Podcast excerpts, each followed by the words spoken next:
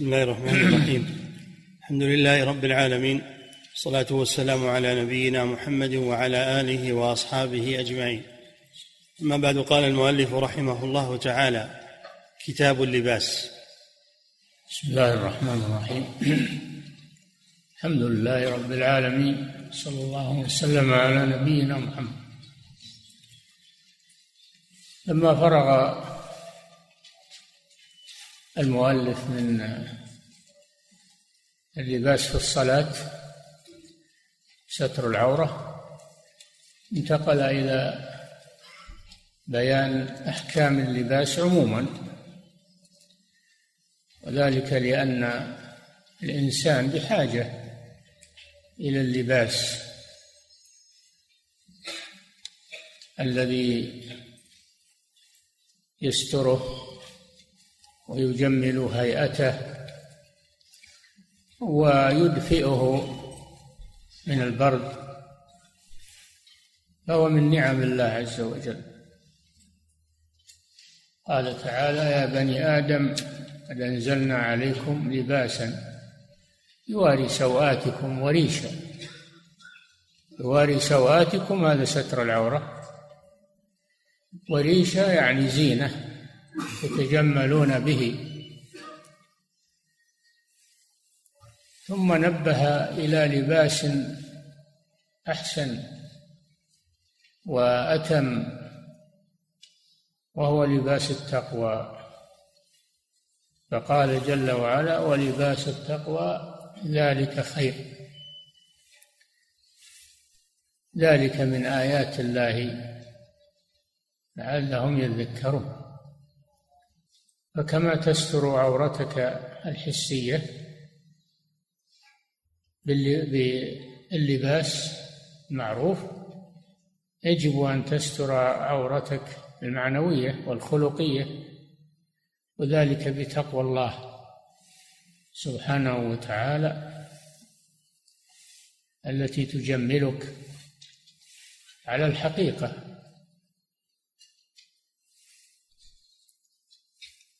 وكم من ممن هو لابس للملابس الجميلة لكنه عار من التقوى. عار من التقوى. لا يخاف الله ولا يتقيه. والشاعر يقول إذا المرء لم يلبس لباسا من التقى تقلب عريانا وإن كان كاسيا وإن كان كاسيا يعني بالثياب. لكن إذا فقد التقوى تقوى الله فإنه عار في الحقيقة. فعلى المسلم أن يتذكر هذا ولباس التقوى ذلك خير خير من لباس البدن. نعم. كتاب اللباس باب تحريم لبس الحرير والذهب على الرجال دون النساء. تحريم لبس الحرير على والذهب على الرجال دون النساء. والحرير عرفناه نوع من القماش. يخرج من دودة القز يعني دودة يعني حشرة صغيرة. السرو السرو الصغير. يخرج هذا الحرير. وهذا من عجائب قدرة الله سبحانه وتعالى.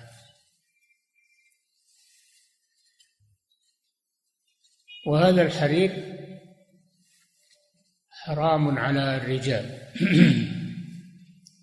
حرير الخالص حرام على الرجال. من هذه الأمة مباح للإناث لأن الإناث بحاجة إلى الزينة. كذلك الذهب. الذهب يباح للنساء تحلي به حاجتهن إلى الزينة ويحرم على الرجال أن يتحلوا بالذهب. وقد رأى النبي صلى الله عليه وسلم رجلا عليه خاتم من الذهب فنزعه صلى الله عليه وسلم وطرحه وقال يعمد أحدكم إلى جمرة من النار يلبسها؟ الرجل لا يجوز له أن يتحلى بالذهب وإنما هذا للنساء خاصة أو من ينشا في الحلية يعني المرأة وهي وهو في الخصام غير مبين. المرأة ما تستطيع المخاصمة ومقابلة الخصوم أنها ضعيفة. وهي بحاجة إلى ما يجملها فلذلك أباح الله لها لبس الحرير وأباح لها التحلي بالذهب وحرم ذلك على الرجال. نعم. عن عمر رضي الله عنه قال سمعت النبي صلى الله عليه وسلم يقول لا تلبسوا الحرير. فإنه من لبسه في الدنيا لم يلبسه في الآخرة. هذا نهي من الرسول صلى الله عليه وسلم. لا تلبسوا هذا خطاب للرجال. وبعض العلماء أخذ منه حتى النساء من العموم. لا تلبسوا الحرير. ثم علل ذلك بقوله صلى الله عليه وسلم فإنه لهم في الدنيا ولكم في الآخرة. لأن لباس أهل الجنة حرير ولباسهم فيها حرير. عاليهم ثياب سندس خضر واستبرق. هذه ثياب أهل الجنة. فإن لبسه المسلم في الدنيا حرم من لبسه في الآخرة عقوبة له. وهل معنى ذلك أنه لا يدخل الجنة؟ هذا هو الظاهر. أو أنه يدخل الجنة ولكن يحرم من لبس الحرير الذي في الجنة. نعم لا تلبسوا. لا تلبسوا الحرير فإنه من لبسه في الدنيا لم يلبسه في الآخرة. فإنه من لبسه من المسلمين في الدنيا لم يلبسه في الآخرة. مع أهل الجنة ولباسهم فيها حرير. نعم. وعن أنس رضي الله عنه أن النبي صلى الله عليه وسلم قال من لبس الحرير في الدنيا فلن يلبسه في الآخرة. متفق عليهما. متفق عليهما. الحديثين. من لبس الحرير في الدنيا لم يلبسه في الآخرة عقوبة له. فهذا فيه دليل على تحريم لبس الحرير على الرجال. نعم. وعن أبي موسى رضي الله عنه أن النبي صلى الله عليه وسلم قال أحل الذهب والحرير للإناث من أمتي وحرم على ذكورها. رواه أحمد والنسائي والترمذي وصححه. هذا الحديث فيه استثناء النساء من قوله لا تلبسوا من لبس. هذا يشمل الرجال والنساء ولكن هذا الحديث وما جاء بمعناه يستثني النساء. فإن المرأة لها أن تلبس الحرير لأنها بحاجة إلى التزين به. وكذلك الذهب.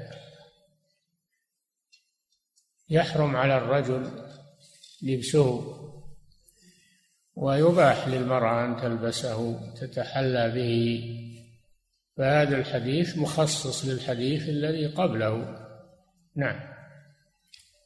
وعن علي رضي الله عنه قال أهديت لرسول الله صلى الله عليه وسلم حلة سيراء فبعث بها إلي فلبستها فعرفت الغضب في وجهه فقال إني لم أبعث بها إليك لتلبسها إنما بعثت بها إليك لتشققها خمرا بين النساء. متفق عليه. نعم. أهدي إلى النبي صلى الله عليه وسلم حلة سيراء. حلة الحلة تكون من إزار ورداء. تكون من إزار ورداء. أهداها له بعض ملوك الكفار. والنبي صلى الله عليه وسلم يقبل الهدية ويثيب عليها. ولو كانت من كافر ففيه قبول الهدية من الكافر. وهذا من التعامل الدنيوي ليس من باب الموالاة انما هو من التعامل الدنيوي. فالنبي صلى الله عليه وسلم لم يلبسها لأنها تحرم على الرجال. أرسل بها إلى علي بن أبي طالب رضي الله عنه. حلة سيراء. ما معنى سيراء؟ يعني مخططة مخططة بالحرير كأنه سيور فيها. وقيل سيراء يعني أن فيها خطوط أن فيها خطوطا وأن فيها خطوطا من غير لونها خطوطا تغاير لونها كأنها السيور. فأرسلها النبي صلى الله عليه وسلم إلى علي رضي الله عنه. علي رضي الله عنه أخذ بالظاهر فلبسها فلما رآه النبي صلى الله عليه وسلم لابسا لها ظهر الغضب في وجهه صلى الله عليه وسلم. هذا دليل على تحريمه على الرجال. وقال له صلى الله عليه وسلم إني لم أبعثها لك لتلبسها وإنما لتشققها خمرا للنساء. فعمد علي رضي الله عنه إلى هذه الحلة وشققها خمرا والخمار الخمر جمع خمار وهو ما تغطي به المرأة رأسها ووجهها لأن ذلك حلال للنساء. الحرير حلال للنساء. فدل هذا الحديث اولا على قبول الهدية ولو كانت من كافر ما دامت أنها مباحة.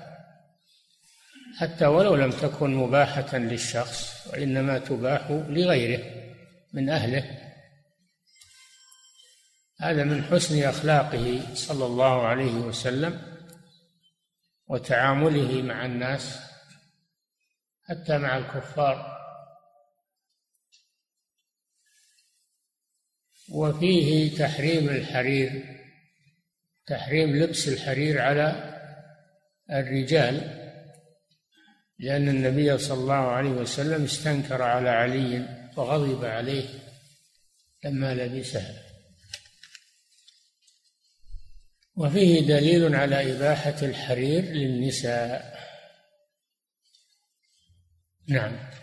وعن أنس بن مالك رضي الله عنه أنه رأى على أم كلثوم بنت رسول الله عن أنس بن مالك رضي الله عنه أنه رأى على أم كلثوم بنت رسول الله صلى الله عليه وسلم برد برد حرير سيراء رواه البخاري والنسائي وأبو داود.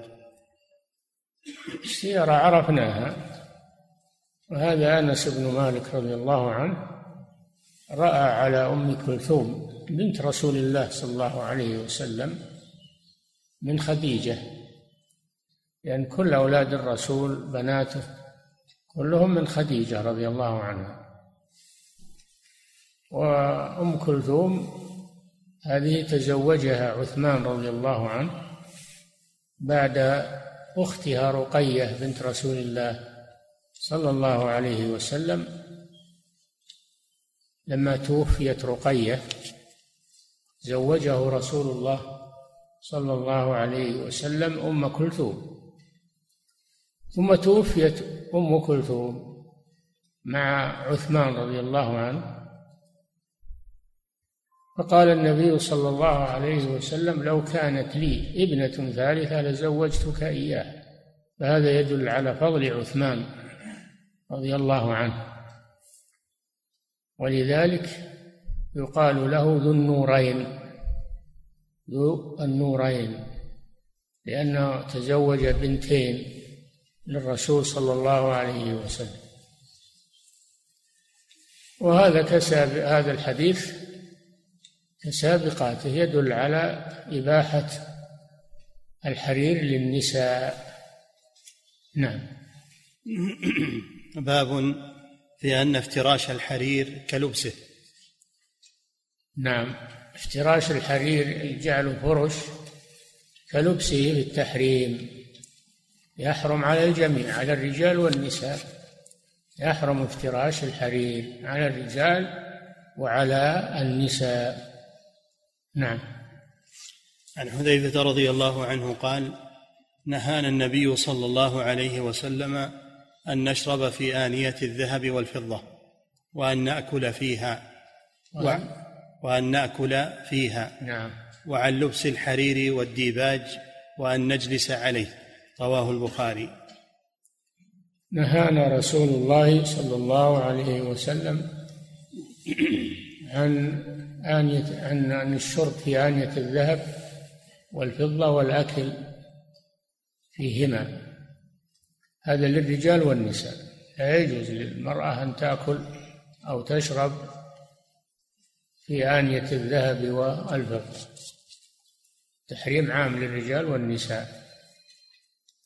ونهى أيضا عن الحرير والديباج. والديباج نوع من الحرير إلا أنه ما غلظ من الحرير. وأن نجلس عليه هذا محل الشاهد من الحديث للترجمة. وأن نجلس عليه فدل على تحريم افتراش الحرير للرجال والنساء. أعيد الحديث. وعن حذيفة رضي الله عنه قال نهانا النبي صلى الله عليه وسلم أن نشرب في آنية الذهب والفضة وأن نأكل فيها وعن لبس وعن لبس الحرير والديباج وأن نجلس عليه. رواه البخاري. نهى عن الشرب في آنية الذهب والفضة والأكل فيهما هذا عموم للرجال والنساء. ونهى عن لبس الحرير للرجال خاصة. وأما النساء فيباح لها كما سبق. وأن نجلس عليه هذا عام للرجال والنساء. فلا تجلس النساء على فرش الحرير كالرجال. نعم. وعن علي رضي الله عنه قال نهاني رسول الله صلى الله عليه وسلم عن الجلوس على المياثر والمياثر قسي كانت تصنع قسي, قسي كانت تصنعه النساء لبعولتهن على الرحل كالقطائف من الأرجوان رواه مسلم والنسائي. نعم. أعد الحديث. وعن علي رضي الله عنه قال نهاني رسول الله صلى الله عليه وسلم عن الجلوس على المياثر. على المياثر. والمياثر جمع ميثرة وهي الفراش الوثير اللين وتكون من الحرير. هذا فيه دليل على تحريم افتراش الحرير كالحديث الذي قبله. ودليل على تحريم اتخاذه على المراكب على السرج والمراكب لأن النساء تصنع لهم شيئا يجعل على المراكب على الإبل وعلى الدواب وهو من الحرير. فالنبي صلى الله عليه وسلم نهى عن ذلك.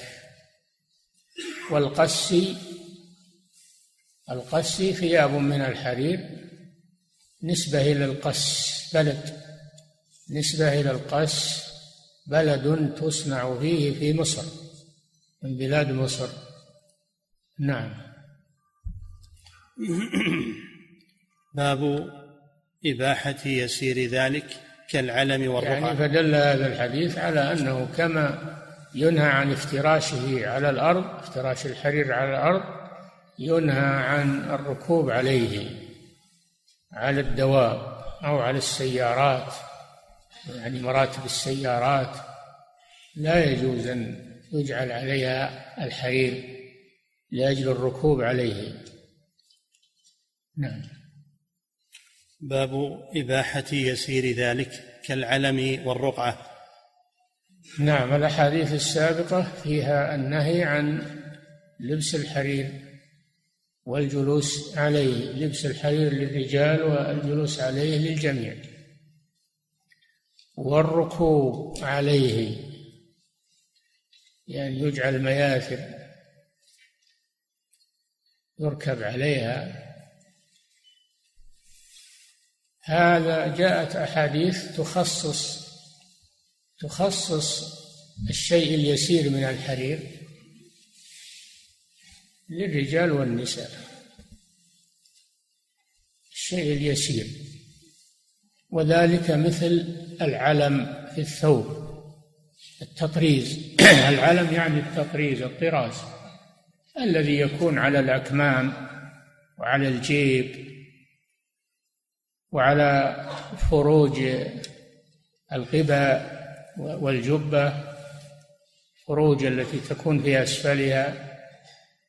الشقوق من الأمام ومن الخلف لأجل أن يتوسع يمشي لابسها فتطرز هذه الفروج تطرز بالحرير لا بأس بذلك بحد أعلى وهو أربعة أصابع عرضه أربعة أصابع فقط ولا يزيد على ذلك. نعم. باب إباحة يسير ذلك كالعلم والرقعة. كالعلم والرقعة. والرقعة أن يرقع الثوب إذا صار فيه شق ويرقع بقطعة من الحرير. يسيرة لا بأس بذلك. نعم. عن عمر رضي الله عنه أن رسول الله صلى الله عليه وسلم نهى عن لبوس الحرير إلا هكذا. نهى. نهى عن لبوس الحرير لبوس يعني لبس الحرير نعم. نهى عن لبوس الحرير إلا هكذا ورفع لنا رسول الله صلى الله عليه وسلم أصبعيه الوسطى والسبابة وضمهما متفق عليه. إلا هكذا قدر الأصبعين. وجاء في حديث آخر أربع أصابع. فحد الأعلى أربع أصابع ولا يزيد. والحد المتوسط آه أنه قدر أصبعين وقد يكون قدر أصبع واحد. نعم. وفي لفظ نهى عن لبس الحرير إلا موضع أصبعين أو ثلاثة أو أربعة. رواه الجماعة إلا البخاري وزاد فيه أحمد وأبو داود وأشار بكفه. نعم. هذا فيه الحد الأعلى من تطريز من الحرير أنه يكون بعرض أربع أصابع فقط ولا يزيد على ذلك. نعم. وفيه وفيه التعليم بالإشارة. ما اكتفى صلى الله عليه وسلم باللفظ وإنما أشار بأصابعه الكريمة ليوضح المنهي عنه. نعم. وعن أسماء رضي الله عنها أنها أخرجت جبة طيالسة عليها لبنة شبر من ديباج كسرواني وفرجيها مكفوفين به.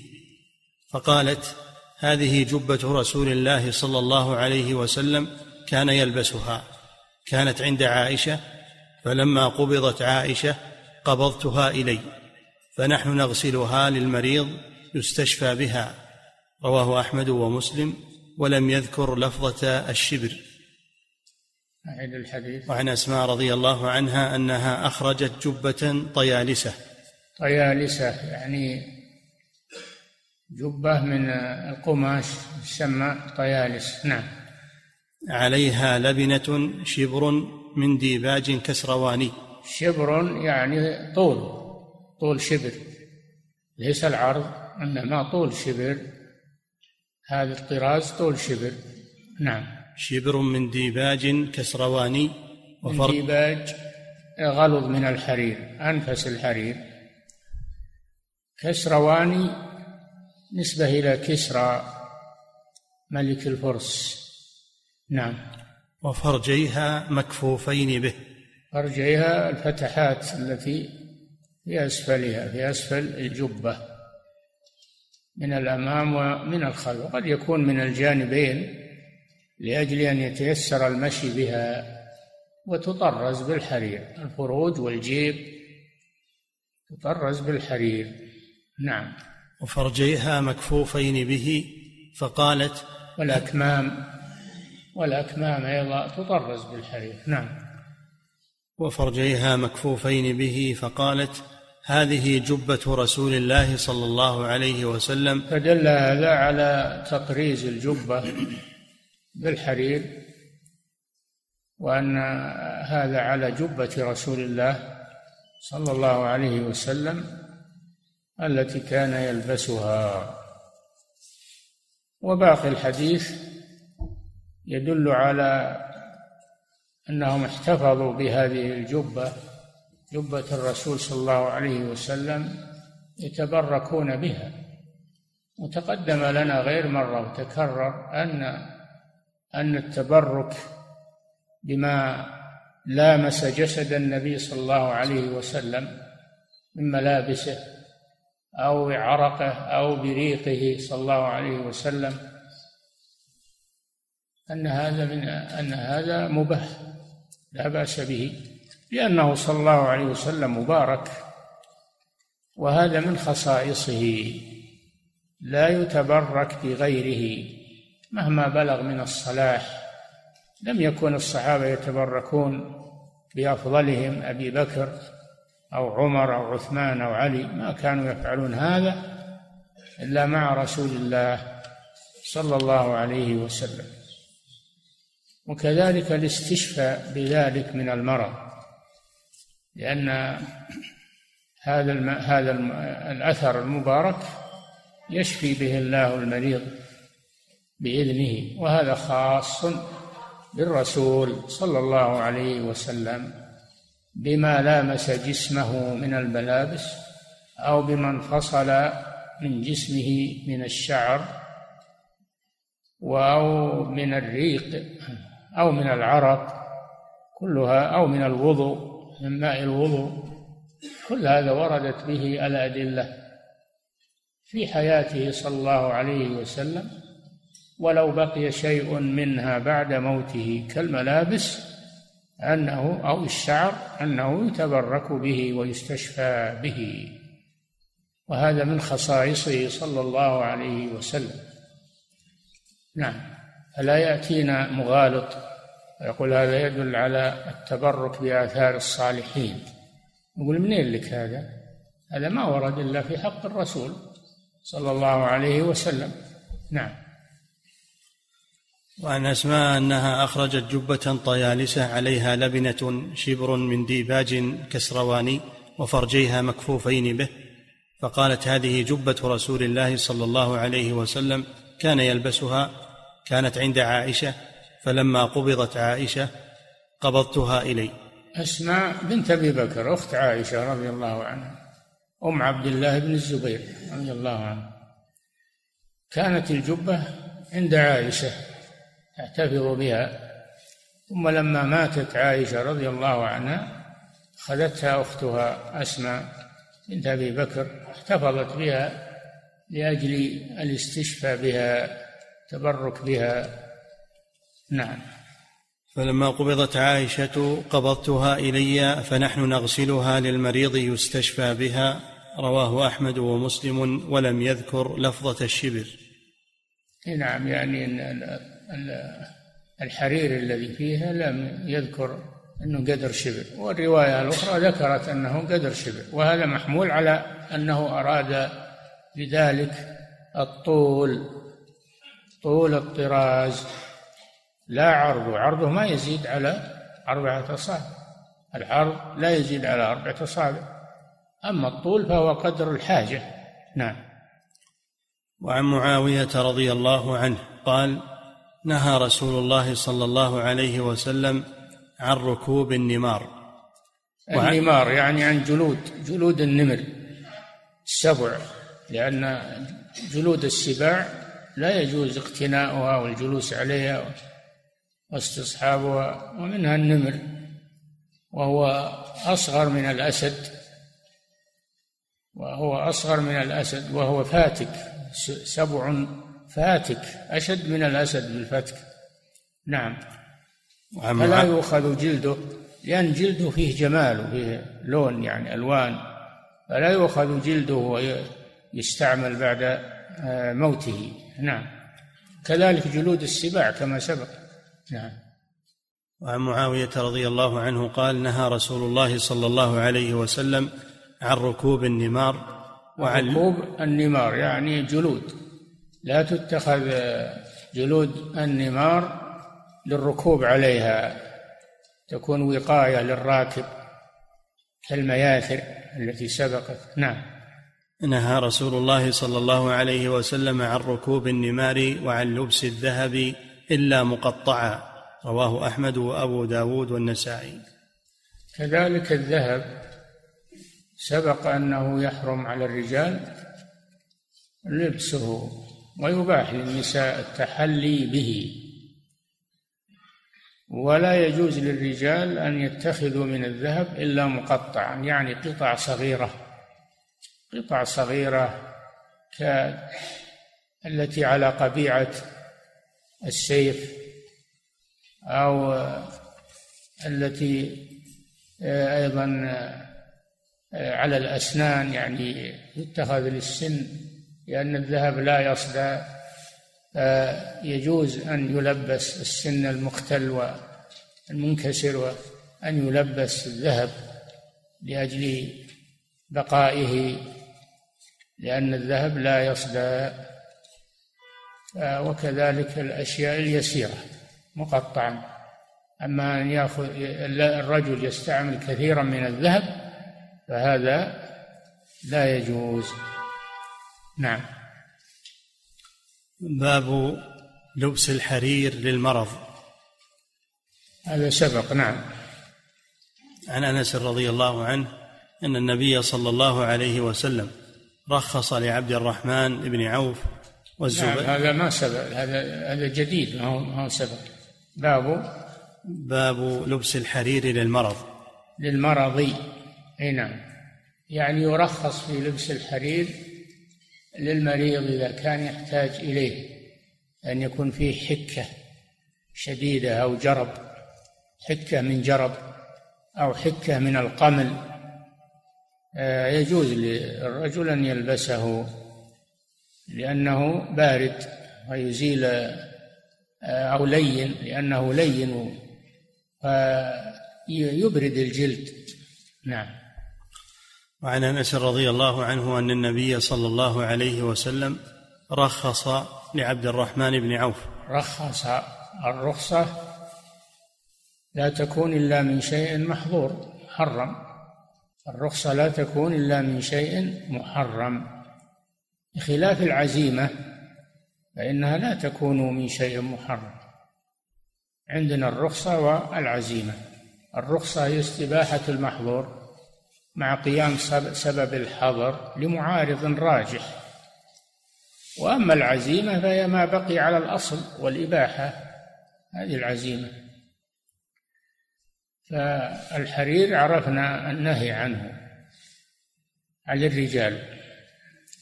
لكن يجوز في حالة المرض لبسه إذا كان ذلك يفيد المريض.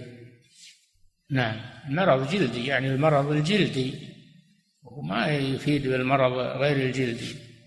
مرض الجلدي كالحكة الشديدة الناشئة عن الجرب أو الناشئة عن القمل.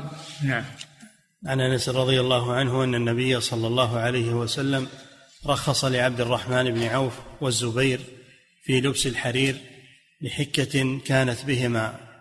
رواه الجماعة إلا أن لفظ الترمذي أن عبد الرحمن بن عوف والزبير شكوا إلى شكوا إلى النبي صلى الله عليه وسلم القمل فرخص لهما في قمص الحرير في غزاة لهما.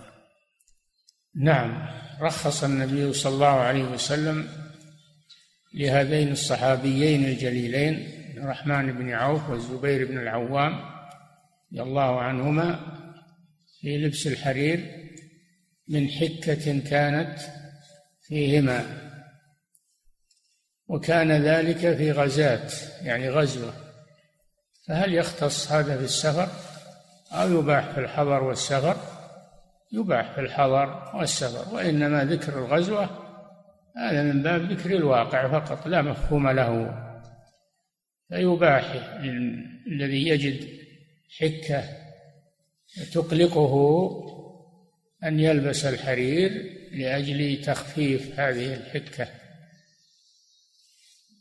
بقدر الحاجة بقدر الحاجة إلى ذلك. نعم. باب ما جاء في لبس الخز وما نسج من حرير وغيره. الأحاديث السابقة في تحريم لبس الحرير على الرجال إنما هو إنما هي الحرير الخالص الحرير الخالص الذي ليس معه خلط من الصوف أو القطن أو غيره. أما الحرير المخلوط مع غيره فهذا يباح إذا كان الظهور لغير الحرير. كأن يكون الحرير سدى أو سدى يكون الحرير سدى وهي الخطوط الطول للنسيج لأن النسيج يتكون من شيئين من السدى وهي الخطوط الطويلة. واللحمة وهي الخيوط المعترضة العريضة المعترضة. هذا هو السدى وهذه هي اللحمة. فإذا كان السدى من الحرير واللحمة من غيره فلا بأس بذلك. أما إذا كان العكس آه، السدى من غير الحرير واللحمة من الحرير هذا لا يجوز لأن الحرير ظاهر. نعم. باب ما جاء في لبس الخز وما نسج من حرير وغيره. عن عبد الله بن سعد عن أبيه سعد قال والخز هو القماش الرقيق من الصوف. الخز هو القماش الرقيق من الصوف ذو النعومة. يجوز لبسه ما دام غير حرير يجوز لبسه. نعم. عن عبد الله بن سعد عن أبيه سعد قال رأيت رجلا ببخارى على بغلة بيضاء عليه عمامة خز سوداء فقال كسانيها رسول الله صلى الله عليه وسلم.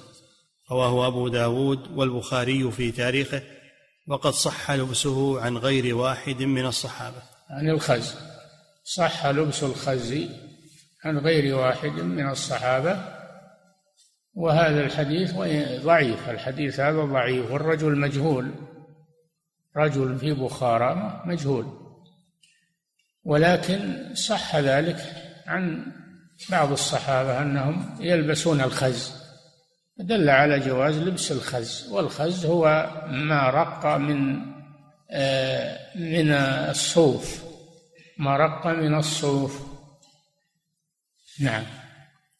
وعن ابن عباس رضي الله عنهما قال إنما نهى إنما نهى رسول الله صلى الله عليه وسلم عن الثوب المصمت من قز. ثوب المصمت أي الذي سداه ولحمته من الحرير. نعم. قال ابن عباس أما السدى والعلم فلا نرى به بأسا. رواه أحمد. السدى إذا كان الحرير سدى واللحمة من غيره فلا بأس لأن الظهور يكون لغير الحرير.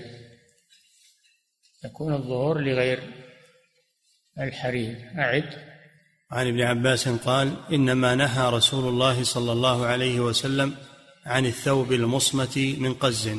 يعني الخالص الذي سداه ولحمته من القز. نعم القز يعني الحرير. قال ابن عباس غير الخز. نعم. قال ابن عباس أما السدى والعلم فلا السدى عرفنا السدى اللي هو خطوط أو خيوط الطول. والعلم عرفنا فيما سبق هو الطراز الذي على الأكمام والجيب وخروج الجبة هذا مباح. نعم. قال ابن عباس أما السدى والعلم فلا نرى به بأسا رواه أحمد وأبو داود. نعم. وعن علي رضي الله عنه قال أهدي لرسول الله صلى الله عليه وسلم حلة مكفوفة بحرير إما سداها وإما لحمتها فأرسل بها إلي فأتيته فقلت يا رسول الله ما أصنع بها ألبسها؟ قال لا ولكن اجعلها خمرا بين الفواطم رواه ابن ماجه. هذه الحلة أهديت إلى رسول الله صلى الله عليه وسلم. وشك الراوي هل سداها هو الحرير أو لحمتها؟ أو لحمتها هي الحرير؟ سبق لنا أنه إذا كان الحرير هو الظاهر وهو اللحمة لا يجوز. أما إذا كان سدى ومختفي باللحمة لا بأس به لا بأس به لأنه حرير غير خالص وغير ظاهر أيضا. نعم. أهدي وعن علي قال أهدي لرسول الله صلى الله عليه وسلم حلة مكفوفة بحرير إما سداها وإما لحمتها فأرسل يعني شك الراوي هل السدى أو اللحمة. ما دام كذلك سبق لنا أنه إذا كان السدى فقط أنه لا بأس. نعم. فأرسل بها إلي فأتيته فقلت يا رسول الله ما أصنع بها ألبسها؟ قال لا. ولكن اجعلها خمرا بين الفواطم. رواه ابن ماجه. كما سبق هذا أنه أرسل إليه الجبة من الحرير فلبسها وغضب عليه الرسول صلى الله عليه وسلم ثم أمره أن يشقها بين النساء خمر النساء وهذه مثلها. أمره أن يشقها بين الفواطم. الفواطم ثلاث فاطمة بنت رسول الله صلى الله عليه وسلم زوج علي بن أبي طالب وفاطمة بنت أسد التي هي أم علي بن أبي طالب وفاطمة بنت حمزة بن أبي طالب. فشقها بين الفواطم. نعم. وعن وعن معاوية رضي الله عنه قال قال رسول الله صلى الله عليه وسلم لا تركبوا الخز ولا النمار. رواه أبو داود. لا تركبوا الخز. يعني لا تجعلوه وقاية على السرج أو على المراكب.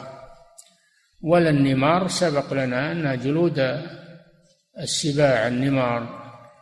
نعم. وعن عبد الرحمن ابن غنم قال حدثني أبو عامر أو أبو مالك الأشجعي أنه سمع الصواب الصواب الأشعري. ليس الأشجعي الصواب أنه الأشعري. نعم. وعن عبد الرحمن بن غنم قال حدثني أبو عامر أو أبو مالك الأشعري نعم. أنه سمع النبي صلى الله عليه وسلم يقول ليكونن من أمتي أقوام يستحلون الخز والحرير. وذكر كلاما وقال يمسخ منهم آخرين قردة وخنازير إلى يوم القيامة. رواه أبو داود والبخاري تعليقا وقال فيه يستحلون الحرى والحرير والخمر والمعازف. نعم هذه الرواية المعروفة. يستحلون الحرى والحرير والخمر والمعازف. وفي رواية بدل الحر الخز. الخز سبق لنا. هذا خبر من الرسول صلى الله عليه وسلم.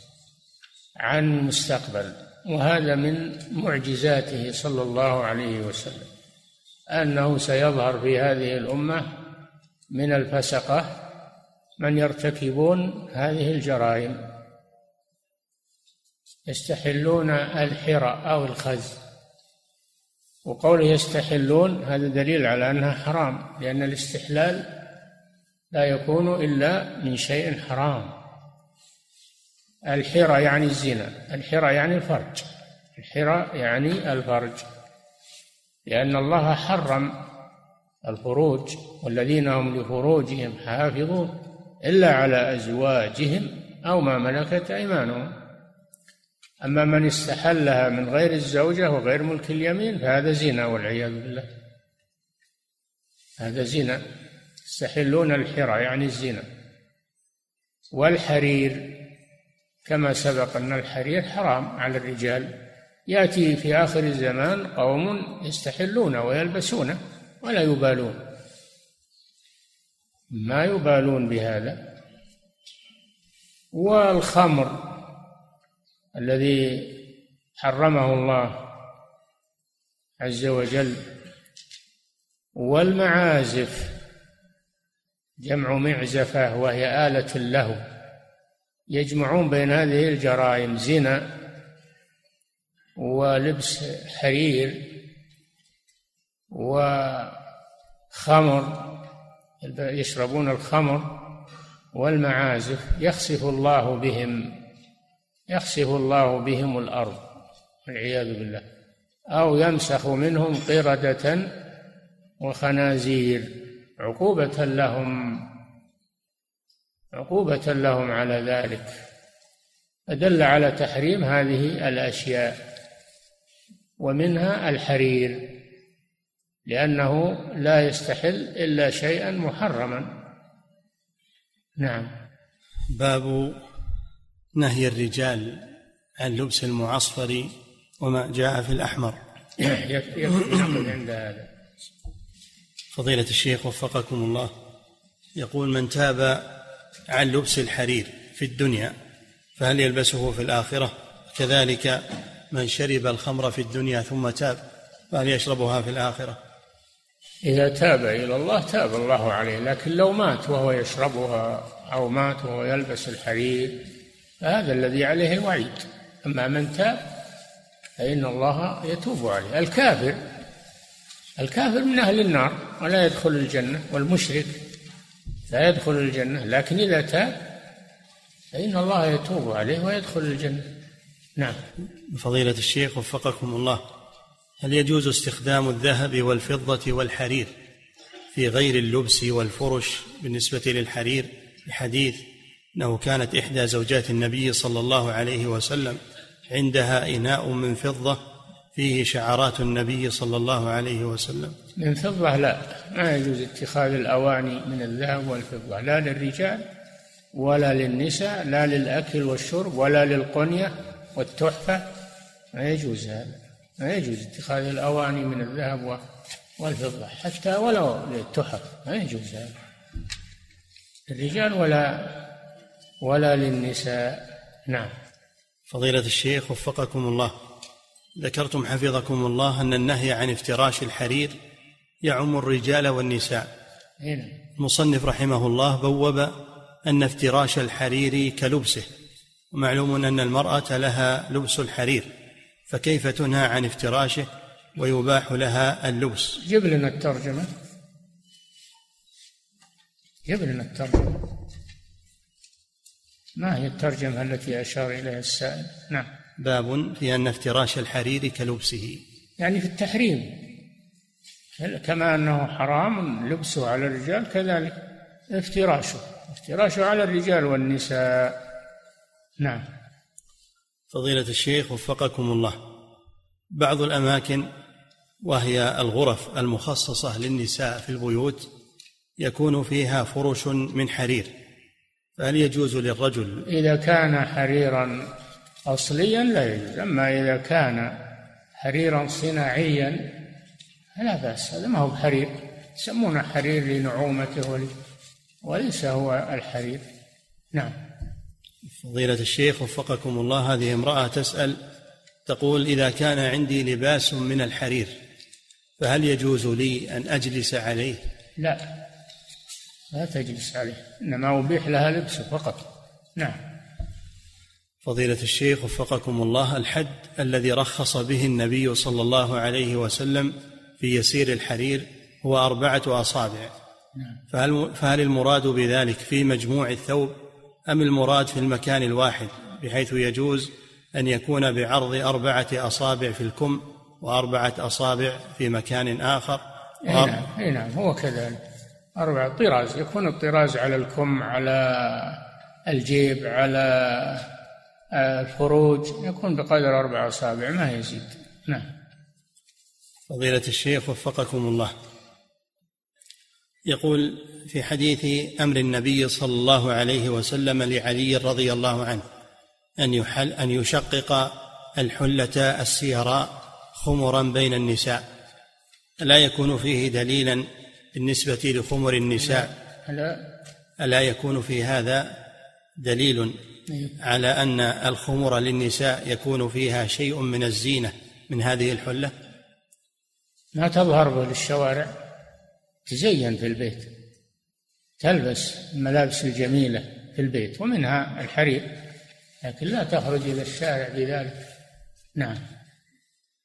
فضيلة الشيخ وفقكم الله في حديث أسماء رضي الله عنها وأخذها وأخذها الجبة من عائشة. هل الجبة طولها شبر من حرير مع غيره؟ حديث أسماء مطرزة مطرزة في بالحرير. المراد أنها مطرزة بالحرير مثل ما في الأحاديث السابقة. نعم. فضيلة الشيخ وفقكم الله هل يجوز اتخاذ الحذاء من جلد النمر؟ لا. ما يجوز استعمال جلود السباع لا أحذية ولا شنط.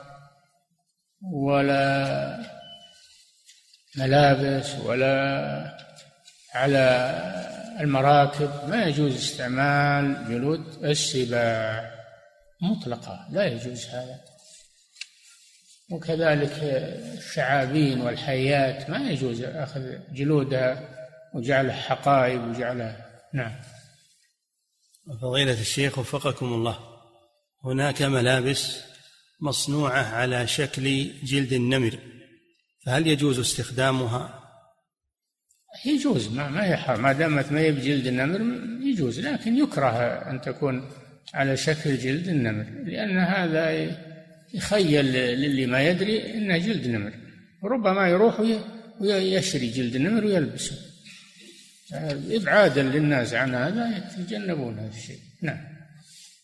فضيلة الشيخ وفقكم الله. يقول نجد المصنف رحمه الله أحيانا يورد أكثر من حديث في موضوع واحد فلماذا لم يكتفي بحديث واحد اختصارا ما دام أن المعنى واحد أم أن تكراره لفائدة معينة؟ اختلاف ألفاظها يريدها لاختلاف ألفاظها وقد يكون في بعضها ما ليس في الآخر لفظة ليست في الآخر. فهي يكمل بعضها بعضا أو يقيد بعضها بعضا أو يفسر بعضها بعضا. هذا القصد. نعم. فضيلة الشيخ وفقكم الله يقول أيهما أفقه وأشهر بالنسبة للفقه؟ المجد أو البركات؟ أم؟ أيهما أفقه وأشهر فقها؟ المجد أبو البركات أم ابنه عبد السلام والد شيخ الإسلام رحمهم الله؟ كلاهما إمام جليل. كلاهما إمام جليل. لكن الحفيد امتاز بالتبحر في العلوم ومقارعة المخالفين من جميع الأصناف أما المجد فهو متبحر في الفقه وهو شيخ المذهب مع الإمام موفق الدين بن قدامة. هما الشيخان شيخ المذهب. نعم. فضيلة الشيخ وفقكم الله. يقول بشوت الرجال يكون الزري طويلا بطول البشت وهو مذهب فهل الطول على قدر البشت جائز؟ ما في اللي في البشت هذا ما يجتمع منه ذهب هذا لون فقط هذا ملون بالذهب أما لو تجمع ما حصلت منه شيء نعم. فضيلة الشيخ وفقكم الله هل لبس الحرير يعد من التشبه بالنساء؟ نعم. هل لبس الحرير يعد من التشبه بالنساء؟ لبسه للعلاج لا بأس وله من التشبه بالنساء. أما لبسه للرفاهية فهو حرام حرام. ما هو القصد إنه التشبه بالنساء؟ القصد إنه حرام أصلا على الرجل. نعم. فضيلة الشيخ وفقكم الله هل الذهب الذي يكون في الجنبية اليمانية به بأس علما بأنه يلبس بكثرة في اليمن؟ يقول. تحلية السلاح والسيوف والخنا والجنبية تحلية اليسيرة من الذهب لا بأس بها مقطعا كما في الحديث إلا مقطعا نعم. فضيلة الشيخ وفقكم الله يقول السائل يقول لماذا تم التحديد بمقدار أربعة أصابع مع أن الشبر أكبر من أربعة أصابع؟ ما هو ما هو بالعرض حتى تقول أكثر؟ الطول أربعة أصابع. ما هو بالعرض؟ شبر يعني طولا ما هو شبر عرضا. ما يزيد العرض على أربعة؟ أصابع أما الطول غير محدود. نعم.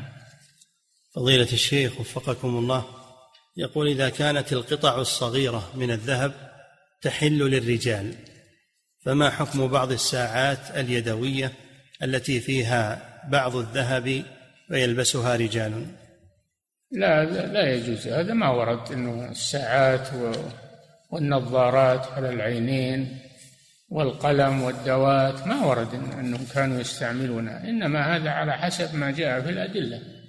والأصل التحريم لكن يستثنى من ذلك ما جاء في الأدلة فقط. واستعمال السلف الصالح. نعم. فضيلة الشيخ وفقكم الله في قول النبي صلى الله عليه وسلم يستحلون هل هم يفعلونها اعتقادا منهم بحلها أم المقصود أنهم يفعلونها مع اعتقادهم بالتحريم؟ على ظاهرها يستحلونها يعني يستبيحونها يستبيحونها ويستعملونها ولا يبالون بالتحريم. لا يبالون بالتحريم. استحلالها قد يكون بالفعل وقد يكون بالاعتقاد. أما من استحل الحرام المجمع على تحريمه واعتقد حله فهذا كافر. أما من استحل بمعنى أنه فعله وهو يعتقد تحريمه لكن فعله من باب شهوة النفس فهذا يعتبر فاسقا. نعم.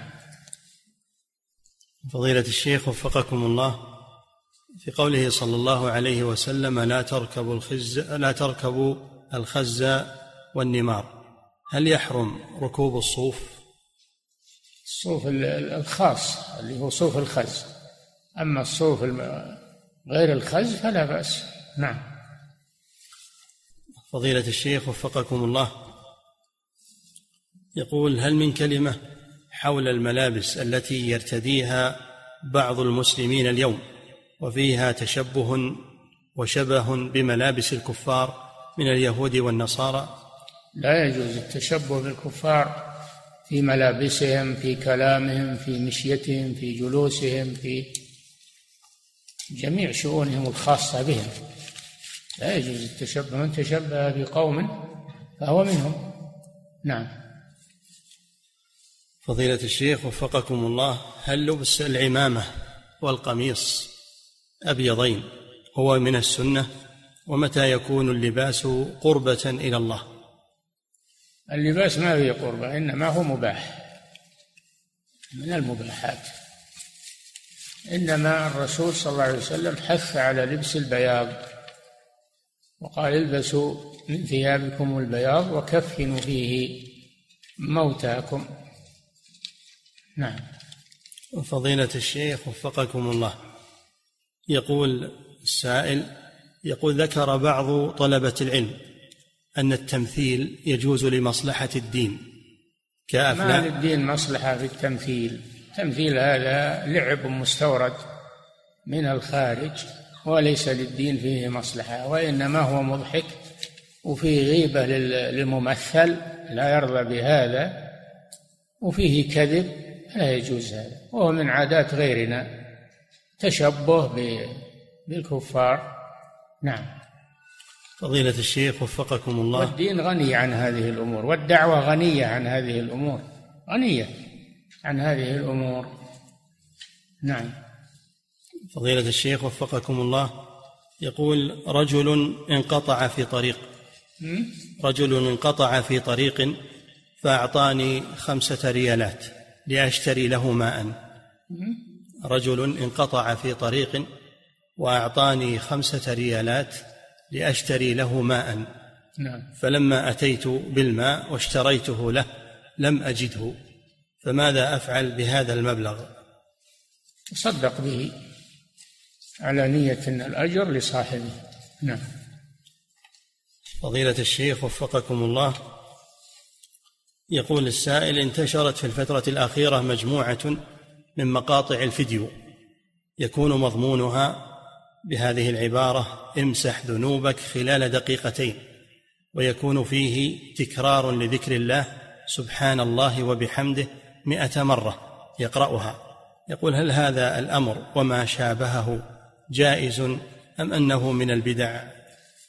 يا أخي عندنا قاعدة شرعية من حديث الرسول صلى الله عليه وسلم. من أحدث في أمرنا هذا ما ليس منه فهو رد. في رواية من عمل عملا ليس عليه أمرنا فهو رد.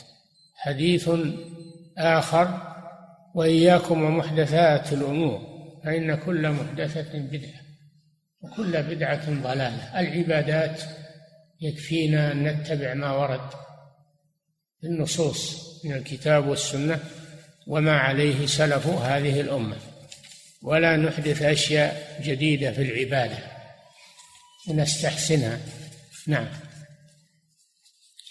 فضيلة الشيخ وفقكم الله هذه امرأة تقول إنها متزوجة برجل يظلمها بيده وبلسانه.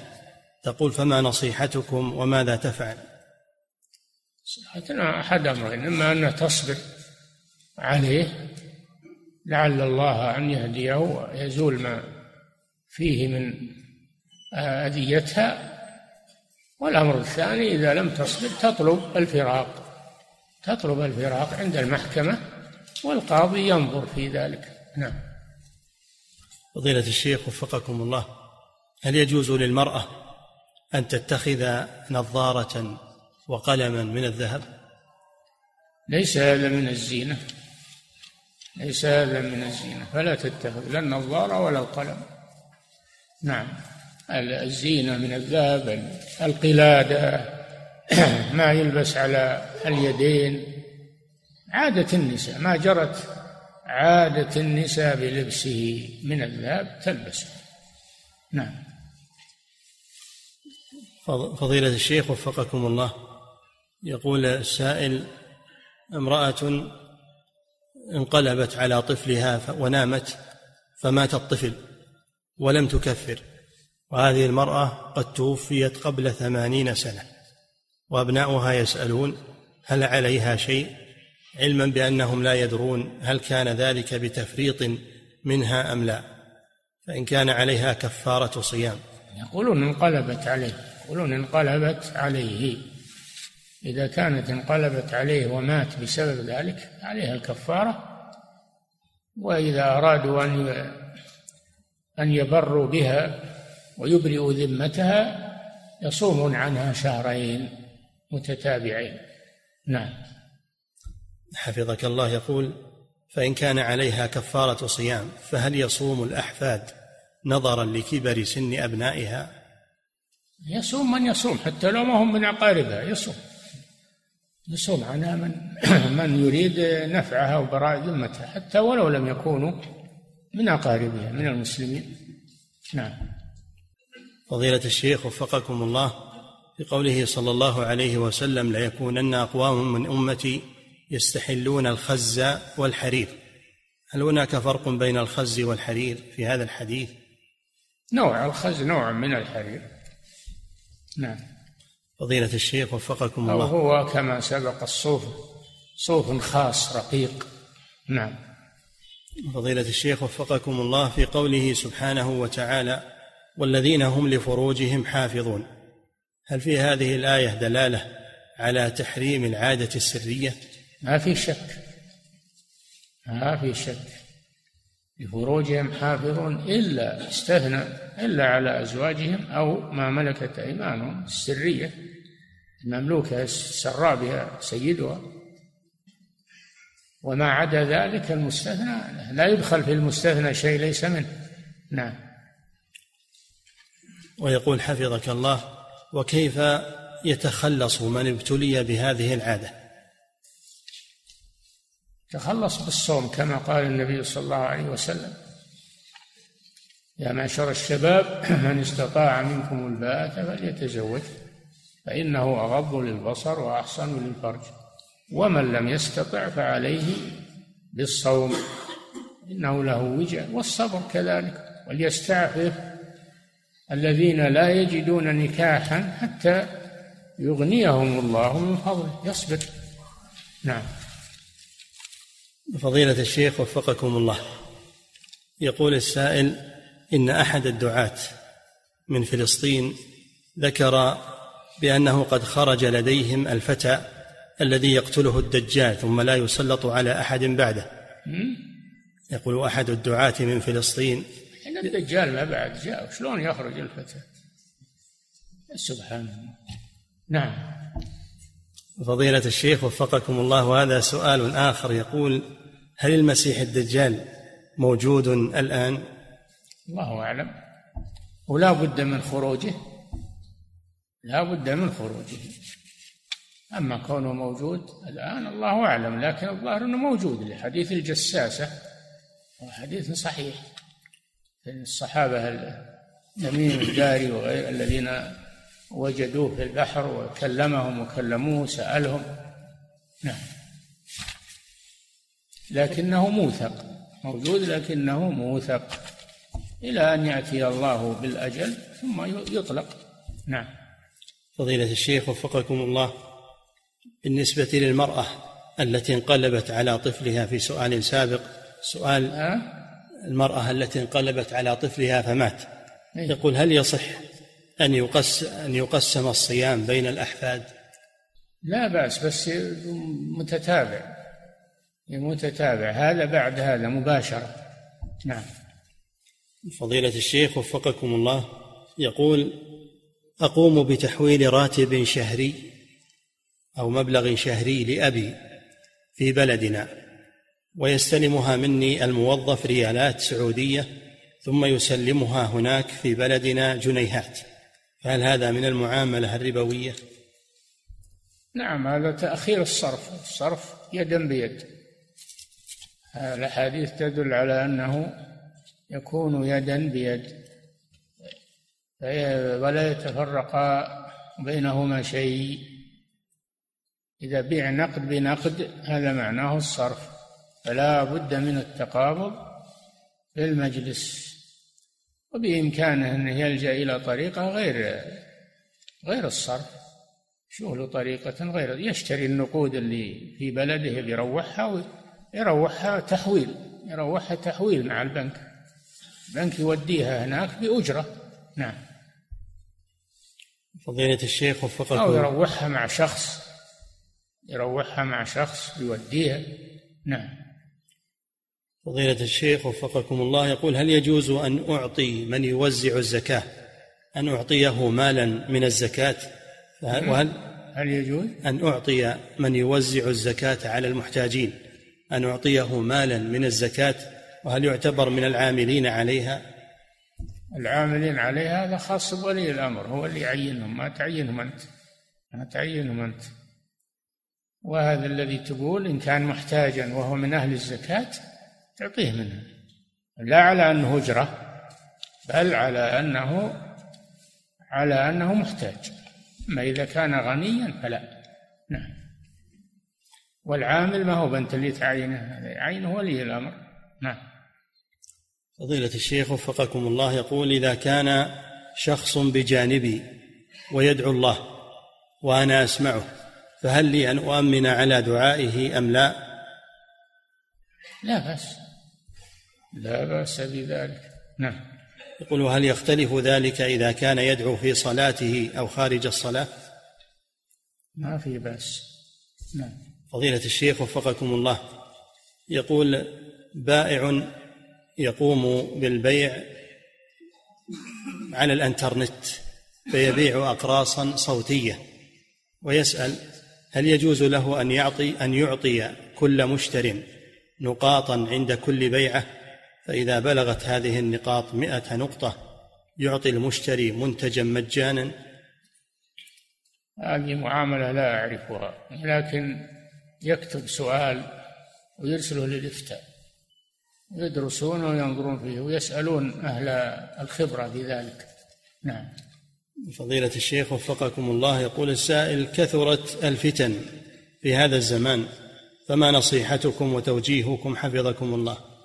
نصيحتنا في أن الإنسان يتجنب الفتن لا يدخل فيها ويكثر من الدعاء للمسلمين ولنفسه. نعم. فضيلة الشيخ وفقكم الله ما حكم حضور بعض الأعياد المبتدعة لأجل معرفة ما فيها من مخالفات ومن ثم الرد على من يقوم عليها وينظمها؟ ما ما يعمل هذا إلا أهل الحسبة الموكول إليهم ذلك. يروحون يشوفون إيش اللي يحصل فيها ويرصدونه لأجل أن يعمل على إزالته. أما إنسان عادي ولا له سلطة لا يروح معه. نعم. فضيلة الشيخ وفقكم الله يقول السائل أنا مدرس للرياضيات. أنا مدرس لمقرر الرياضيات. نعم. وطلب مني مدير المدرسة أن أحضر مسابقة للرياضيات فيها جوائز مع مجموعة من طلاب المدرسة في مدرسة أخرى وهو لا يجبرني على الحضور. يقول هل أنا آثم إذا حضرت هذه المسابقة وهذا السبق؟ وإلا لا يجوز أخذ السبق إلا على ما استثناه الرسول صلى الله عليه وسلم. مسابقة على الخيل على الإبل على الرماية وما عدا ذلك فالجوائز على المسابقات لا تجوز لأنها من القمار من أكل المال بالباطل. نعم. فضيلة الشيخ وفقكم الله يقول السائل إذا كنا مجموعة إلا أن ابن القيم رحمه الله يلحق بهذه الثلاث ما كان على مسائل العلم الشرعي يعطى جائزة لسبقه في مسائل فقهية أو على حفظ القرآن لا بأس بذلك لأن هذا يقول من من الجهاد في سبيل الله. هذا من الجهاد في سبيل الله تعلم العلم الشرعي من الجهاد في سبيل الله فيأخذ عليه جائزة. ما عدا ذلك فلا يجوز أخذ الجوائز. نعم.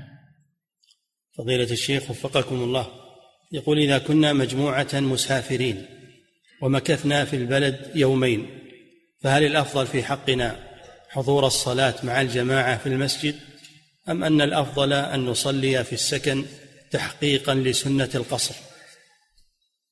يا أخي القصر ما هو بسنة إلا في السفر. أنت مقيم الآن. تسمع الأذان والمسجد بجنبك. لا يجوز لك أنك تتأخر. اذهب وصل. أجب المؤذن وصل في المسجد. ولا تصلي في منزلك ولا أبقصر. نعم. فضيلة الشيخ وفقكم الله. يقول السائل أنا إمام أنا إمام في مسجد وبعض الشباب من طلبة العلم ينكرون علي طول الصلاة لمدة عشر دقائق كالفجر والظهر والعصر ويصلون في البيوت ويقولون لا بد أن تجعل مقدار صلاتك سبع دقائق فقط. سؤاله ما التوجيه في هذا الأمر؟ هذا لا يجوز لهم هذا يتخلفون عن صلاة الجماعة بحجة أن الإمام يطيل. الإمام لا يطيل يعني يتوسط يتوسط بين إتمام الصلاة وبين التخفيف على الجماعة. عليك بالتوسط. نعم. فضيلة الشيخ وفقكم الله. يقول رجل جامع امرأته في نهار رمضان لفهمه أنه إذا لم ينزل فلا شيء عليه في الجماع وقد أقنع امرأته بذلك ورأت أنه أكبر منها سنا وأعلم منها فوافقت على فعله. السؤال ماذا عليهما بعد هذا العلم؟ عليهما الكفارة عليهما قضاء اليوم وعليهما الكفارة وهي صيام شهرين متتابعين. نعم. العتق ما هو موجود ولا الأول العتق؟ نعم. فضيلة الشيخ وفقكم الله امرأة تسأل ما حكم الصدقة عن الأموات كالوالد والوالدة والزوج؟ ما حكم الصدقة عن الأموات. مستحبة. مستحبة. قد سأل سعد بن عبادة رضي الله عنه رسول الله صلى الله عليه وسلم لما ماتت أمه كان بارا بها سأله هل يتصدق عنها؟ قال نعم تصدق عن أمك. نعم.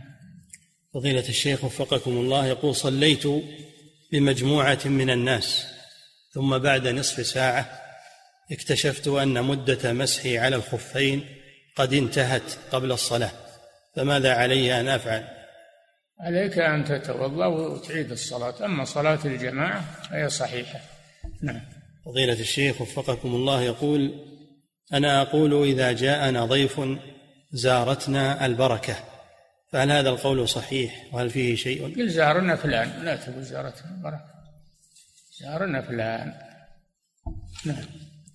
فضيلة الشيخ وفقكم الله يقول ما حكم وضع دورات المياه والحمامات داخل سور المسجد؟ داخل سور المسجد؟ نعم. ما يجوز هذا. قصده سور المسجد الخارجي الساحة ساحة المسجد المحوطة. لا بأس بذلك. أما داخل المسجد نفس المسجد لا تجوز أن تكون أبواب الحمامات على المسجد. نعم. فضيلة الشيخ وفقكم الله يقول السائل مسجدنا القريب من بيتنا يتم تجديده